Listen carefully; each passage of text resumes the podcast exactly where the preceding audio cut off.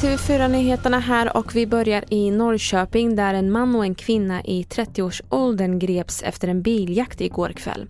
Jakten slutade med att bilen som de misstänkta färdades i kraschade.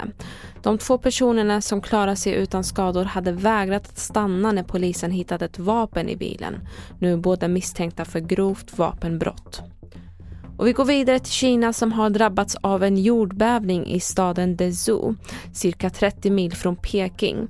Skalvets magnitud som uppmättes till 5,5 har hittills resulterat i ett tiotal skadade personer och över 70 hus har kollapsat. Hittills finns inga uppgifter om att någon ska ha dött. Och för första gången görs nu en stor satsning för att kartlägga hur förorenad vår näst största sjö Vättern är. För att kunna vidta rätt åtgärder samlar just nu myndigheten Sveriges geologiska undersökning, SGU, in hundratal bottenprover. Vättern är ju en väldigt viktig dricksvattenkälla. Idag är det ju 300 000 tror jag, som har, får sitt vatten för Vättern och det är planer på att kommuner uppe i Örebro län ska koppla till 300 000 till. Sen är det ju, finns det ju föroreningar i fisk och så också.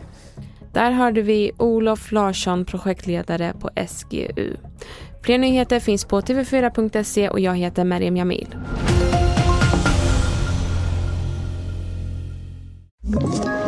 Ett poddtips från Podplay. I fallen jag aldrig glömmer djupdyker Hasse Aro i arbetet bakom några av Sveriges mest uppseendeväckande brottsutredningar går vi in med hemlig telefonavlyssning och, och då upplever vi att vi får en total förändring av hans beteende. Vad är det som händer nu? Vem är det som läcker? Och så säger han att jag är kriminell, jag har varit kriminell i hela mitt liv men att mörda ett barn, där går min gräns. Nya säsongen av Fallen jag aldrig glömmer på Podplay.